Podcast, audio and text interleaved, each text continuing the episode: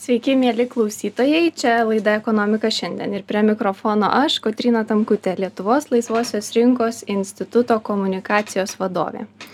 Temų susijusių su mokesčiais gegužės mėnesį kaip visada apstu. Štai Lietuvos laisvosios rinkos institute paskaičiavome, kad antradienį, tai yra vakar, išaušo laisvės nuo mokesčių diena.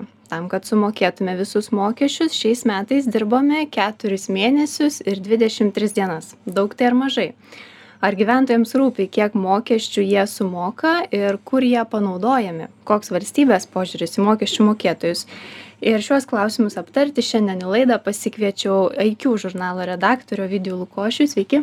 Laba diena ir nuotoliu iš jungtinių amerikos valstijų prie mūsų jungiasi ekonominio švietimo fondo vadovas žilvinas šilėnas. Sveiki. Gerą dieną tai ovidijau nuo jūsų noriu pradėti. E, jūs esat ir mokesčių mokėtojas kaip verslininkas e, ir e, kaip vartotojas bet ir žurnalistas kuris stebi kaip valstybėje sprendžiami klausimai susiję su mokesčiais. Tai kokios jūsų mintys? Koks tas požiūris į mokesčių mokėtojus? Na visi gyvename dabar vadinamajame čekiukų skandale kuris turbūt puikiai ir demonstruoja koks yra požiūris į mokesčių mokėtojų pinigus tų kurie kurių rankos prie jų prieina ir kurie gavo progą ilgai trunkančią keletą metų progą tuos pinigus panaudoti kaip tik tai nori. Tai tai turbūt e, sunku būtų surasti geresnį pavyzdį negu mes jau keletą savaičių visi nagrinėjame ir kuris e, privedė netgi iki rimtos politinės krizės. Taip e, dar nu tame santykyje ar ne mokesčių mokėtojų ir valstybės dažnai atsiranda ir mokesčių administratorius. Ar valstybinės e, mokesčių inspekcijos vaidmenyje ar kitų institucijų. E, kaip jūs matot tą santykį su mokesčių mokėtojais jų kuriamą santykį? Na mokesčių inspekcija kaip ir sodra yra įstatymų vykdytojai ir šiuo atveju aš kaip e, tiek kaip fizinis asmuo tiek kaip ir verslo savininkas galėčiau visiškai nepataikaudamas turbūt pagirti ypatingai valstybinę mokesčių inspekciją kuri na tikrai dirba profesionaliai ir dažnai ateina į pagalbą ir nėra tas baubas kokį mes turbūt vyresni prisimenam prieš dvidešim metų kai gediminas vagnorius tuometis premjeras grasino verslui žiauriomis akcijomis ir mokesčių inspekcija tuo metu labai turbūt entuziastingai tas akcijas bandė ir įvykdyti. Tai tikrai mes čia turime labai didelį civilizuotą ir gana seną pokytį tai jisai džiugina. E, kas įdomiau yra turbūt tai kad patys mokesčių mokėtojai ypatingai gaunantys tiesiog atlyginimą e, nelabai suvokia kiek tų mokesčių sumoka. Nes visi skaičiuoja kiek uždirba į rankas ir e, turbūt jeigu padarytumėm apklausą gatvėje ir paklaustumėm kiek realiai jie sumoka mokesčių kad gavę tūkstantį dar beveik šešis šimtus atiduoda e, valstybei ir socialinio draudimo fondui tai turbūt retas žinotų. Ir jeigu nežinau tiksliai gerbiamas žilvinas turbūt pasakys kaip yra amerikoj bet jeigu mes gautumėm visi tą sumą į rankas ir metų pabaigoj reikėtų septynis tūkstančius du šimtus eurų pervesti į tam tikras e, valstybinių įstaigų sąskaitas tai turbūt e, mokesčių mokėtojų požiūris į tai kaip tie pinigai panaudojami gerokai skirtųsi ir tada netgi tas reikalavimas įvairių lengvatų įvairių nuolaidų turbūt irgi e, būtų žymiai žymiai toks mažesnis apie tai kaip tai galėtų keisti ar ne ir ir požiūrį ir į valstybę ir politikus. Dar užduosiu klausimą bet e, iš tikrųjų žilvino norėjau klausti ar tai ką kalba ovidijus e, aktualu ir amerikoj? Kaip amerikiečiai e, viena vertus žiūri į tuos mokesčius kita vertus kaip stebi diskusijas susijusias su mokesčiais? Galbūt kažkiek panašiai kaip ir lietuviai į tuos, į tuos mokesčius amerikiečiai žiūri. Tik čia gal yra, vėlgi, visų pirma, Amerikai mokesčiai yra mažesni bet kuriuo atveju ar bet kuriuo kampu begliaudytum ar tai bendrojo pajamų mokestis amerikoj yra mažesnis yra žymiai daugiau galimybių pačiam žmogui tarkim kaupti senatvėj ir ten kažką tai susikaupti lygiai tas pats nuo jų pvmo atitikmuo yra dvigubai mažesnis ir kas smagiausia tai yra apie man atrodo septynios ar dešim valstijų kurios apskritai netaiko gyventojų pajamų mokesčių valstybės lygmenyje. Tiksliai tariant susimoki federalinį su federalinį mokestį pavyzdžiui gyveni gyveni floridoj arba aliaskoj tai valstijos gyventojų pajamų mokesčio netgi nereikia mokėti nes tos valstijos yra nusprendusios o o kam mums jo reikia mes geriau tuos pinigus susirinksim per per kitur per per per išlaidas ar per tai kad žmonių daugiau žmonių čionais atsikels. Tai yra ta tai yra ta mintis, to konkuravimo mokesčiais idėja. Amerikoje vis dar yra gyva, tai ko europiečiai labai nemėgsta arba netgi labai žiūri, žiūri piktai, tai maždaug, kad galima vis taip konkuruoti, bet jų mokesčius, na jau ne. Tuo tarpu amerikiečiai rodo, kad tai puikiai tai galima daryti. O su to, ką Vidijus sakė, tai tas, tas nuskaičiavimas mokesčių nuo atlyginimo, kai tu net nežinai, kiek tu iš tikrųjų uždirbai, tau jau automatiškai nuskaičiuojama, tai iš tikrųjų čia viena, viena iš didžiausių klastų, kurią mokesčių administratoriai kažkada įvedė. JAV, jeigu esi paprastas darbuotojas, tai irgi veikia ta pati sistema, kad tau jau tau nuo atlyginimo automatiškai tos mokesčius ir, ir, ir visokius ten draudimus, sveikatos, nesveikatos, bet uh, tam valdišką pensiją nuskaičiuoja.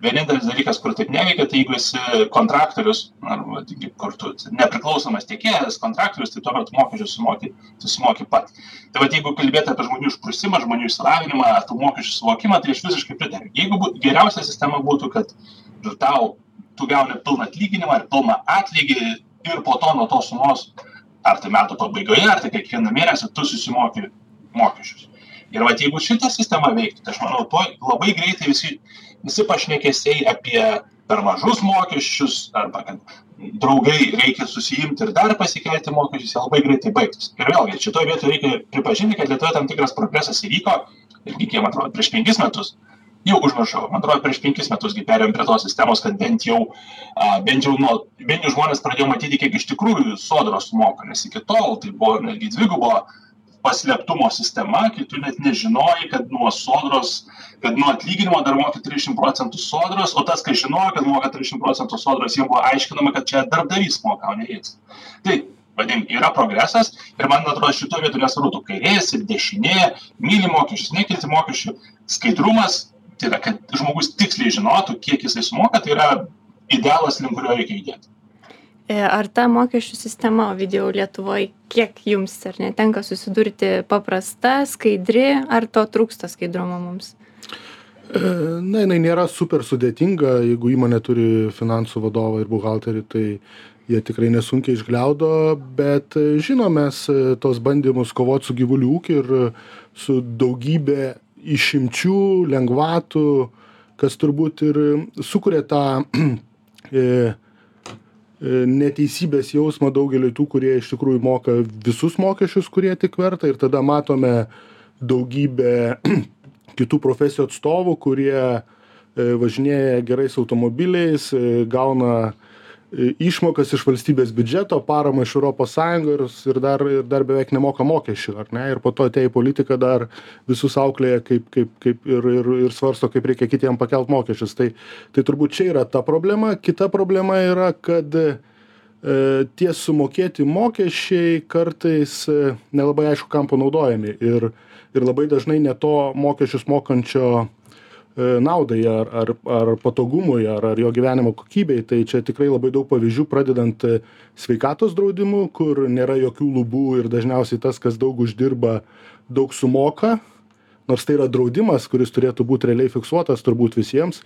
Ir tas kuris daug uždirba dažnai na neturi laiko laukti kaip dabar lietuvoj deja yra šešių mėnesių patekti pas gydytoją ar daugiau tai jisai naudojasi privačios medicinos paslaugomis ir ir dar ir dar dar kartą tai už sumoka. Arba tai nėra mokesčiai bet rinkliava bet e, toks labai senas chrestomatinis pavyzdys iš vilniaus tikiuosi taip nėra bet e, bet jis labai daug pasakantis. Tai kai būdavo renkami ir dabar yra renkami mokesčiai už automobilių stovėjimą gatvėse tai tie pinigai buvo naudojami viešųjų tualetų išlaikymui. Tai tokia komiška situacija situacija, kad, na, kas vairuoja, o kas, e, kas naudą gauna. Taip, e, tavęs irgi, Žilvinai, norėjau klausti apie tą, e, viena vertus yra domėtis, e, kokie mokesčiai, kur mes juos sumokam ir kokio jo dydžio yra, bet kita yra domėtis ir reikalauti ar ne tos atsakomybės apie jų panaudojimą. Tai kiek, vėlgi, kiek tai rūpi amerikiečiams, ar ne, kokios išvalgos ir patirtis, kuo mes gal skiriamės nuo jų tai rūpintis kaip naudo kaip valstybė naudoja tavo pinigus yra piliečio pareiga man liūdna kad lietuvoj tai nors ir visi labai mėgsta atsižegnoti nuo rusijos ir nuo rusiškų patirčių labai dažnai bent jau atsimenu kiek kiek dar lietuvoj būdavau tai vėlgi piliečio domėjimasis ar netgi pretenzijų reiškimas dėl mokesčių dažnai buvo prilyginamas kaip tai vos ne ardomajai veiklai. Maždaug kaip jūs drįstate čionais dabar knistis ar kaip jūs čia drįstate dabar manęs klausinėt kur aš tuos mokesčius panaudojau? Nu tai čia yra visiškas rusiškas rusiškas mentalitetas kur maždaug valdžia pasakė taip bus ir tie halopai visi užsičiaupkite tai čia yra visiškai blogai. Dabar amerikiečiai vėlgi įvairių žmonių yra. Vieni vieniem labai rūpi kitiems mažai nerūpi bet e, kai reikia tuos mokesčius sumokėti visiems pradeda rūpėti ir aš sakyčiau, vėlgi, yra amerikiečiai, Amerikoje yra tokių daugiau alternatyvų, kur mokestis yra ne tiek tas vadinamas konfiskacinis, bet kurio vaidus papasako, kad vienas vairuoja, kitas kitką daro, bet yra daugiau tokių, kur tu sumoki už kažką. Nu, vadinkim paprastai. Žmonės mėgsta matyti ir mėgsta žinoti, kad tas mokestis, kuris buvo surinktas, yra panaudotas pagal paskirtį. Na ir tarkim, visi, jeigu akcizo tarkim kuro akcizo mokestis tikrai būtų naudojamas tik keliams arba su keliais susijusiais dalykais tai arba keliai būtų nuostabūs ir greičiausiai niekas jais nesiskųstų arba tas mokestis būtų daug mažesnis ir juo irgi niekas nesiskųstų. Na tarkim amerika turi nu tikrai neprastus kelius ir visą tarp valstijų kelių tinklą bet akcizo mokestis kur yra daug mažesnis negu negu europoje ar arba lietuvoje benzinas dyzelinas kiti degalai ir dabar yra ženkliai pigesni jav negu lietuvoje nepaisant to kad amerikiečiai daug daugiau uždirba.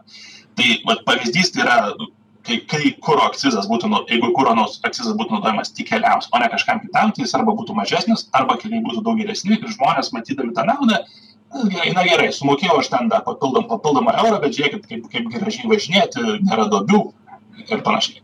Tai čia yra tas variantas kai tu matai kaip tavo mokesčiai panaudojami ir tu supranti kad tu už tu už kažką sumokėjai. Lygiai taip pat aš nemanau kad kas nors labai piktintųsi šalies gynyba arba mokesčius kurie eina šalies gynybai ar policijai. Ir kas aišku yra liūdniausia kad netgi esant šitai egzistencinei rusijos grėsmei kiek mes iš tikrųjų surenkame mokesčių ir kiek mes skiriame gynybai yra dvi skirtingos istorijos.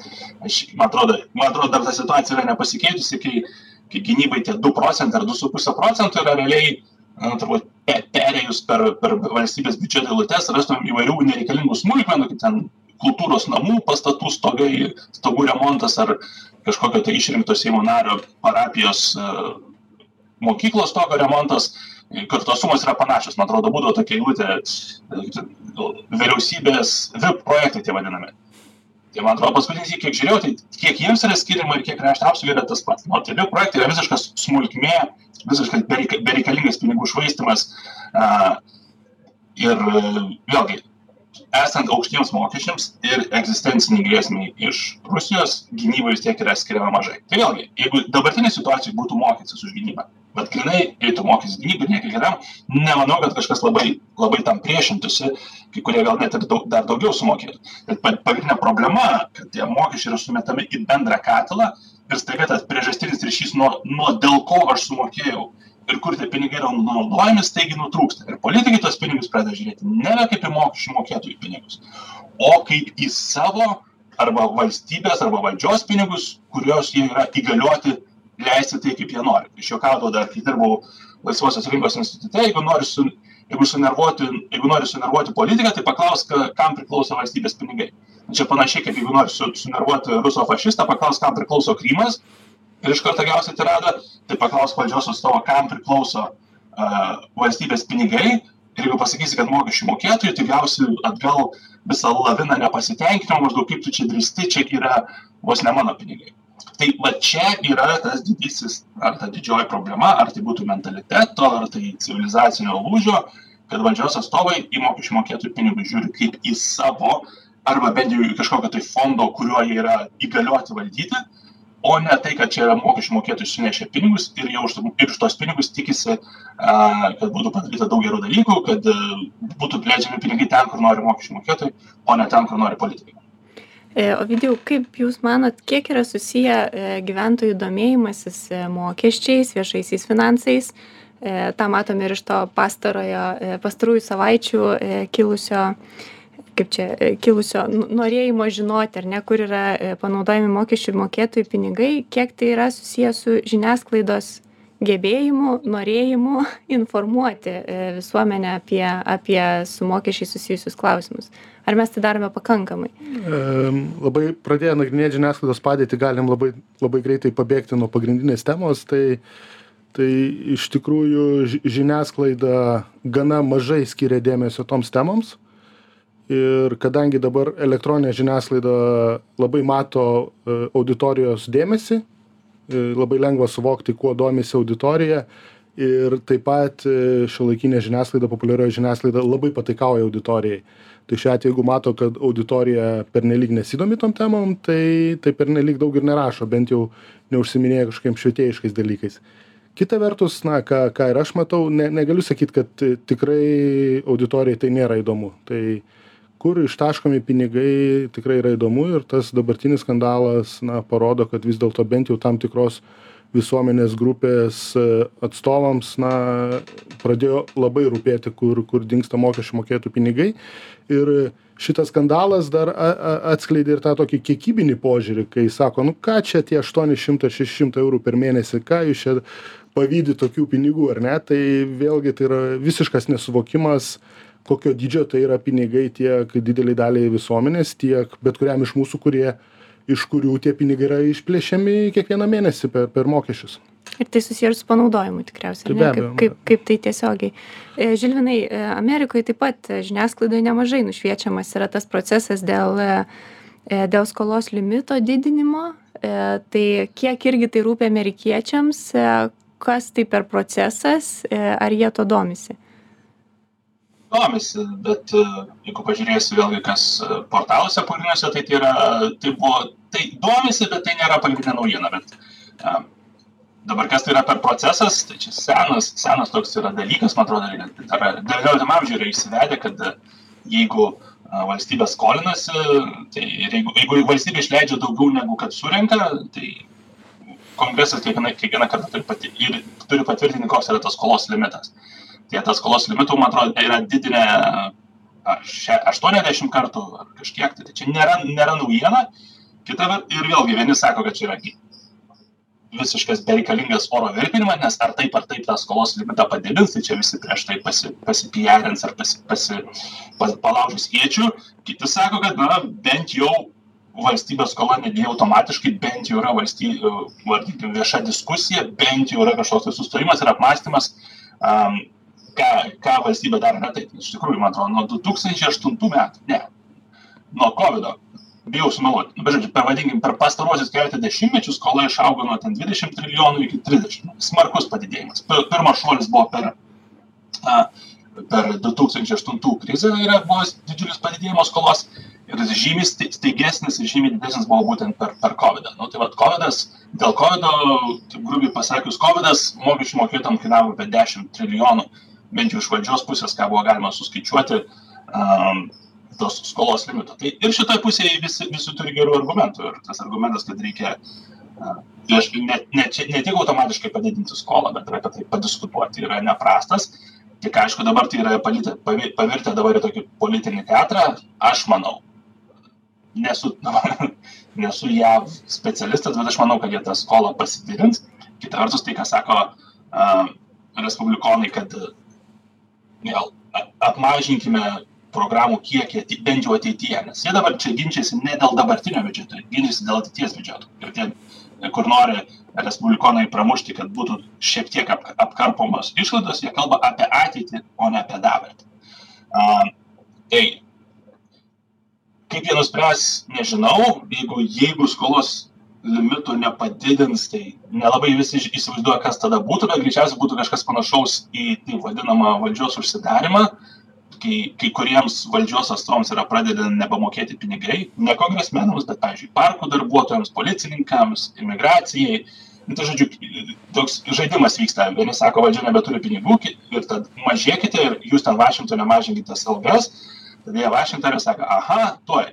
Ir tai reiškia, jie ima kirsti per tas rytis, kur žmonėms labiausiai skauda, tam, kad žmonės pradėtų protestuoti ir sakyti, ei, padidinkit skolą, nes aš negaliu, negaliu įsiregistruoti automobilio, o, o jūs ten, o Vašington vis tiek savo atlyginimus gaunat, jums nei šilta, nei šalta. tai žodžiu vyksta žaidimas pagyvensi pamatysi jis yra gerai na gerai nušviečiamas žmonė žmonėm tai iš tikrųjų rūpi aš kita vertus manau jeigu lietuvoj kažkas būtų panašus mechanizmas tai žmonėms irgi rūpėtų pagal tai kiek yra skiriama dėmesio čekučių čekučių skandalui na aš manau tas žmonių susidomėjimo lygis yra ganėtinai panašus. Žilvinai, paskutinis klausimas. Ekonominio švietimo fondas, ar ne, dirba su, su vaikais, su moksleiviais, su jaunesniais žmonėmis šitomis temomis. Kas labiausiai veikia, kalbant su jais apie, apie viešuosius finansus, apie ekonominį raštingumą? Pavyzdžiai, kuriais, jeigu kalbant apie jaunimą, tai jaunimas panašus tiek, tiek JAV, tiek Lietuvoje, ir šitoj vietoj mokesčiai daugeliui iš jiem yra visiškai nerūpi, nerūpintis dalykas, nes daugumai jie tų mokesčių nemoka. Yra arba studentai, arba kitu atveju dar moksleiviai, tai taip pat ir Lietuvoje paklaus moksleivio studento, kokie yra mokesčiai, tikrai nepasakys ir iš, iš dalies tai yra natūralu. Kol, kol tu asmeniškai su tuo nesusiduri, tai yra tokia ezoterinė tema, įdomi tik tai specialistams jeigu šitoj vėlgi jeigu valstybė prilygini kažkokių tai piliečių sambūrių tai čia turėtų būt vienas iš iš svarbiausių dalykų apie ką reikėtų žinoti ir ir ir mokėti ir žinoti.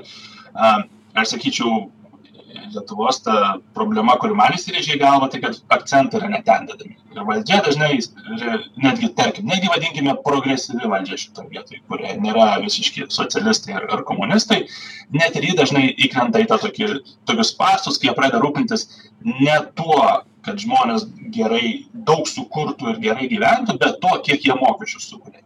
Vien jau, vien kiek jie mokesčių sumoka. Vien ta diskusija, kad yra maždaug uh, toks tiek išlaidų ir tiek BVP ir tai yra per mažai, reikia daugiau, tai ne šitą vietą reikia, koncentruotis, reikia į BVP koncentruotis. Arba reikia koncentruotis tą pirago pyrago kepimą, kad visi daugiau su, su, su, sukurtų ir geriau gyventų, o ne, tiek, o, ne, o, ne tie, o ne kiek mokesčių reikia surinkti. Ir tas fokusas, kad šitoje vietoje verslas arba mokesčių mokėtis yra geras tik, tik todėl, kad jis sumoka mokesčius, o ne todėl, kad jis sukuria kažkokią tai vertę ar produktą, tai čia yra, va, čia yra valdiško požiūrio pražutinga klaida.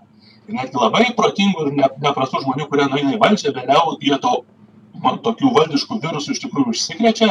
Ir pradedi šnekėt su žmonių kuris su žmogum kuris atrodo prieš dešim metų buvo normalus nu ir jis pradeda vėl kažką pasakot. Žinai surinkimas bvp perskirstymas lyg tai lyg ten veiktų kažkokia indoktrinavimo mašina kur net normalius žmones paverčia tais valdžios atstovais kurie vėlgi pradeda rūpintis ne tuo kad žmogus gerai gyventų dėl to kad jis kaž kažkas kažką pats sukūrė o dėl to kad va kažką pakišo valdžia. Taigi visi gerai nemažai žmonių valdžioj mėgsta būti kalėdų seneliai.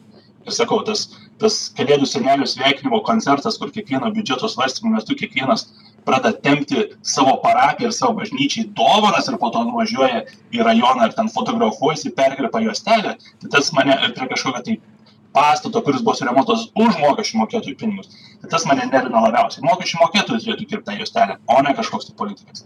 Tai kaip su vaikais apie tai kalbėti? Suprantu kad jiems nerūpi bet e, jūsų patirtys vis tiek yra yra kažkokios tai tai supranta. Kaip su vaikais su vaikais reikia kalbėti taip pat kaip su suaugusiais tikėtis kaip iš vaikų o ne atvirkščiai. Aiškini suprantamai pagal pagal tai ką jie moka suprasti. Tai dažnai yra žinai jeigu turi čipsų pakelį tai kiek iš to pakelio čipsų jeigu tai būtų mokesčiai kiek tai kiek turėtum atiduoti ne? Arba ar ar žinai kaip už tai yra sumokama ar žinai kaip tai yra finansuojama. Aš žinai kad už gauti vieną dolerį tarkim kišenę vieną dolerį už uždirbti nuo jo dar turi sumokėti apie keturiasdešim procentų mokesčių. Vat visi tokie paprasti pavyzdžiai jie veikia tiek vaikam tiek suaugusiem iš tikrųjų ir norint iš ir iš tikrųjų vaikams aiškinti sudėtingiau nes jeigu šneki su suaugusiais visi gali gali įjungti mandrumą išmesti keletą ten mandrų frazių kurių pats nelabai supranti ir jautiesi labai protingas o vaikai pasakys nesupratau žinai paaiškink iš naujo iš tikrųjų išaiškinti paprastai bet neprastai yra didelis reikia daug darbo ir daug talento ir tikrai tą temą turi išmanyti čia kaip kaip kaip Nilsas Boras, man atrodo, kažkada pasakęs, geras, geras fizikas ar chemikas turėtų mokėti išaiškinti atomo sandarą vyrėjai. Supratau. Tai ačiū. Ta gaida apie mokymasi ir mokymą ir noriu pabaigti šiandien laidoje apie tai ar gyventojams rūpi kiek mokesčių jie sumoka kur jie panaudojami koks valstybės požiūris į mokesčių mokėtojus. Kalbėjausi su iq žurnalo redaktoriumi ovidijumi lukošiu ir jungtinių amerikos valstijų ekonominio švietimo fondo vadovu žilvinu šilėnu. Klausytojus kviečiu likti kartu. Netrukus rubrika stebime valdžią Sveiki sugrįžę, čia rubrika Stebime valdžią. Seimas šią savaitę balsuos dėl pirmojo viešojo valdymo reformos projektų paketo. Šiame etape būtų sprendžiami tarnautojų, tiek specialistų, tiek vadovų atlyginimo klausimai siekiant darbą viešajame sektoriuje padaryti konkurencingesnį ir optimizuojamas valstybės tarnybos išteklių valdymas. Kituose reformos etapuose bus siekiama optimizuoti valstybės paslaugų tinklą ir paslaugas efektyvinti valstybės tarnybos reforma tai svarbus žingsnis siekiant didinti žmonių pasitikėjimą valstybe ir padaryti kad valstybės įstaigos realiai tarnautų gyventojams. Tačiau atlyginimų lankstumas nėra vienintelis sprendimo būdas. Šiame reformos etape pasiūlymai teikiami siekiant tobulinti valstybės tarnybą sustiprinant vadovavimo ir lyderystės gebėjimus modernizuojant žmogiškųjų išteklių valdymą lietuvos laisvosios rinkos institutas pabrėžia kad siekiant veiksmingai pertvarkyti viešąjį sektorių yra svarbu skatinti apatinės ir vidurinės grandies tarnautojų motyvaciją ir atsakomybę. Tai pavyktų pasiekti diegiant požiūrį kad gyventojas kuriam valstybės tarnautojai teikia paslaugas yra klientas. Kadangi valstybė turi tam tikrų paslaugų monopoliją ji nejaučia spaudimo gerinti savo teikiamas paslaugas kaip tai jaučia privačios įmonės todėl reikalinga diegti rinkoje veikiančius mechanizmus pavyzdžiui apatinės grandinės tarnautojus įpareigojant proaktyviai rinkti klientų atsiliepimus dėl paslaugų tobulinimo galimybių ir efektyviai juos įgyvendinti taip pat siekiant tinkamai optimizuoti valstybinį sektorių yra būtina atlikti jau esamų funkcijų peržiūrą kad jos nesidubliuotų ir nesukurtų nepagrįstos naštos kuri brangiai atsieina laiko požiūriu tiek klientams tiek patiems tarnautojams. Siekiant padaryti kad valstybės funkcijos būtų vykdomos efektyviai yra reikalinga atsisakyti tų funkcijų kurias gali vykdyti privatus sektorius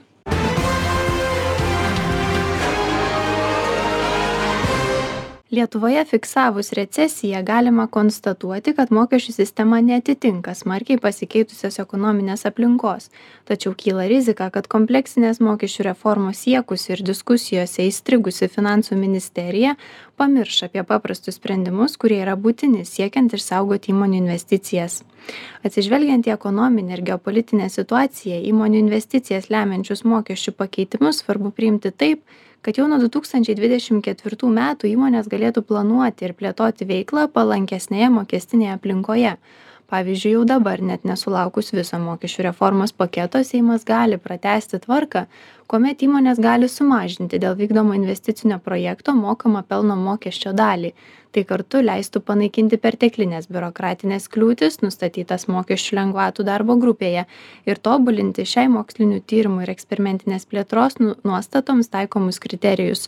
Svarbu įgalinti įvairaus dydžio ir pajėgumo lietuvos įmones taikyti šias nuostatas neapsunkinant jų biurokratiniais reikalavimais. Svarbu kad įmonėms aktualūs mokesčių pokyčiai neįstrigtų platesnėse diskusijose dėl mokesčių peržiūros ir valdžia suskubtų juos priimti dar iki liepos pirmosios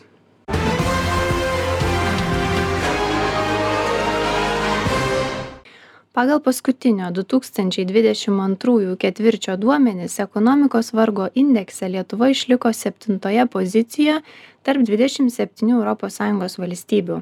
Šis indeksas skaičiuojamas kaip suminis nedarbo lygio bendrojo vidaus produkto arba bvp ir kainų augimo rodiklis. Taigi kuo indekso vertė aukštesnė tuo didesnį vargą patiria šalies ekonomika iki šiol ekonomikos augimas bent iš dalies kompensavo infliacijos sukeliamus sunkumus tačiau prie ekonominį vargą didinančių veiksnių praėjusių metų pabaigoje prisidėjo ir bendrojo vidaus produkto susitraukimas. Paskutinį du tūkstančiai dvidešim antrųjų ketvirtį fiksuotas bvp kritimas kuris sudarė minus nulis kablelis penkis procento o kainų augimo tempas išliko spartus ir kablelis aštuonis procento tuo metu pagal užimtumo situaciją lietuva buvo europos sąjungos vidutiniokė. Šis rodiklis buvo identiškas sąjungos vidurkiui ir siekė šešis kablelis vieną procentą. Didesnį nei lietuvos ekonomikos vargą du tūkstančiai dvidešim antrųjų pabaigoje patyrė italijos ispanijos švedijos vengrijos suomijos ir prancūzijos ekonomikos kitos dvi baltijos šalys ilgą rai ilgą laiką rikiavosi tarp didžiausią ekonominį vargą patiriančių šalių tačiau metus užbaigė pasiekusios geresnę padėtį nei bendrijos vidurkis. Latvijos padėtį pataisė atsigavęs bvp augimas o estijos ekonomikos patiriamą vargą mažino ketvirtinė defliacija du tūkstančiai dvidešim antrųjų ketvirtame ketvirtyje nyderlandai vėl tapo viena iš mažiausius ekonominius sunkumus patiriančių šalių. Šios valstybės padėtį reikšmingai pataisė kritusios kainos ir išlaikytas bvp augimas. Kita mažiausią ekonominį vargą patyrusi europos sąjungos šalis buvo malta. Dėkoju už dėmesį čia buvo rubrika stebime valdžią. Likite su žinių radiju